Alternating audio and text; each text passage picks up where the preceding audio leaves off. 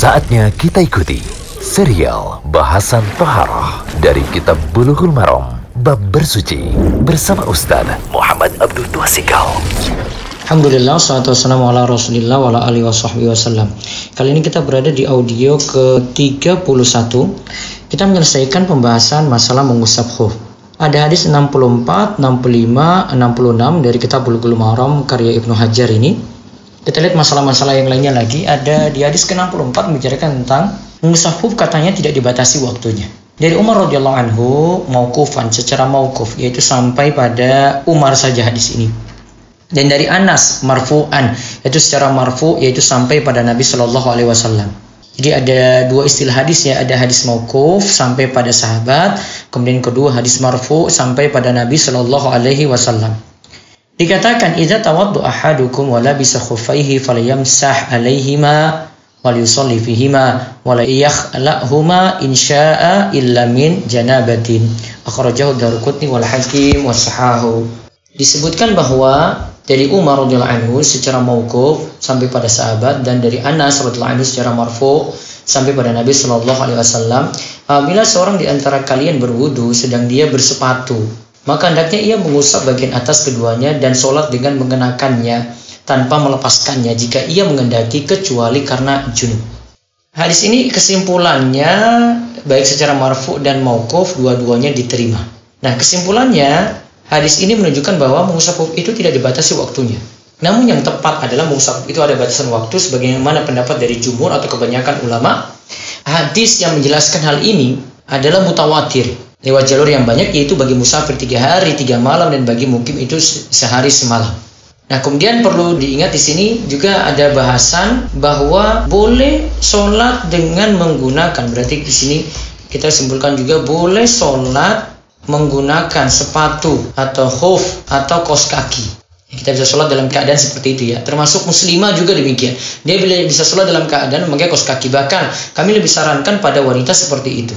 Kemudian yang berikutnya lagi, kesimpulan yang lainnya lagi, mengusap khuf jadi batal kalau terkena junub. Junub atau hadas besar itu jadi batal. Nah jadi diingat pembahasan ini.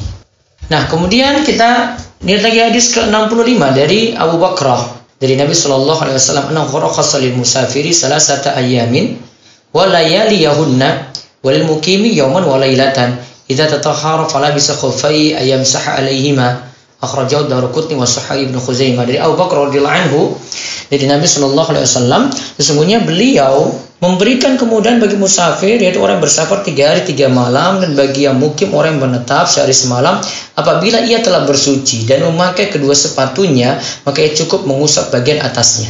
Maka ia cukup mengusap bagian atasnya maka lihat di sini faedah hadis yang bisa kita ambil hadis ini kesimpulannya punya banyak penguat ya syawahid sehingga maknanya secara hukum hadis ini hasan.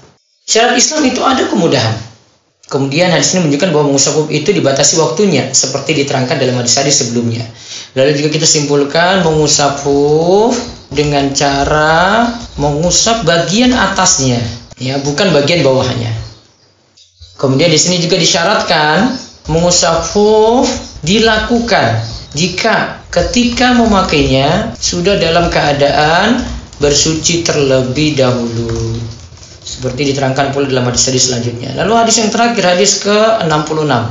Ini tentang mungsafuf itu tanpa batas waktu lagi. Disebutkan dari Ubay bin Imarah radhiyallahu anhu ia berkata, "Wahai Rasulullah sallallahu alaihi wasallam, bolehkah aku mengusap kedua sepatuku?" kata dia. Beliau sallallahu alaihi wasallam menjawab, "Iya, boleh saja." Ia berkata lagi, "Satu hari?" Beliau menjawab, "Iya, boleh." Ia berkata lagi, "Dua hari?" Beliau wasallam menjawab, "Iya, boleh." Ia berkata lagi tiga hari Rasulullah SAW katakan iya boleh sesukamu. Ya. Nah apa masyiita kau mau bagaimanapun ya terserah. Hadis ini dikeluarkan oleh Abu Daud, namun ingat sanatnya dhaif, tidak kuat kata Ibnu Hajar. Dan kesimpulan ulama juga tidak kuat. Maka kesimpulan kita dari bahasan ini, hadis ini lemah, yang tepat mengusap atau sepatu dibatasi waktunya. Hadis umum semacam ini dibawa ke hadis yang menyebutkan waktu, yaitu tiga hari tiga malam untuk musafir dan sehari semalam untuk mukim.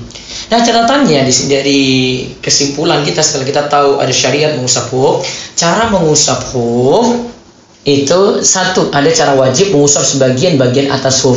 bagian atas khuf ya, itu wajib. Kemudian ada cara mustahab sunnahnya mengusap bagian bawah dan belakang. Mustahab bagian bawah dan belakang, bagian akhir belakang atau tumit dari khuf atau sepatu. Kemudian yang kedua, mengusap khuf itu jadi batal jika satu melepas khuf ya, jadi batal jika melepas khuf. Dua, jangka waktu mengusap berakhir. Tiga, mendapati hadas besar. Lalu ini untuk wanita.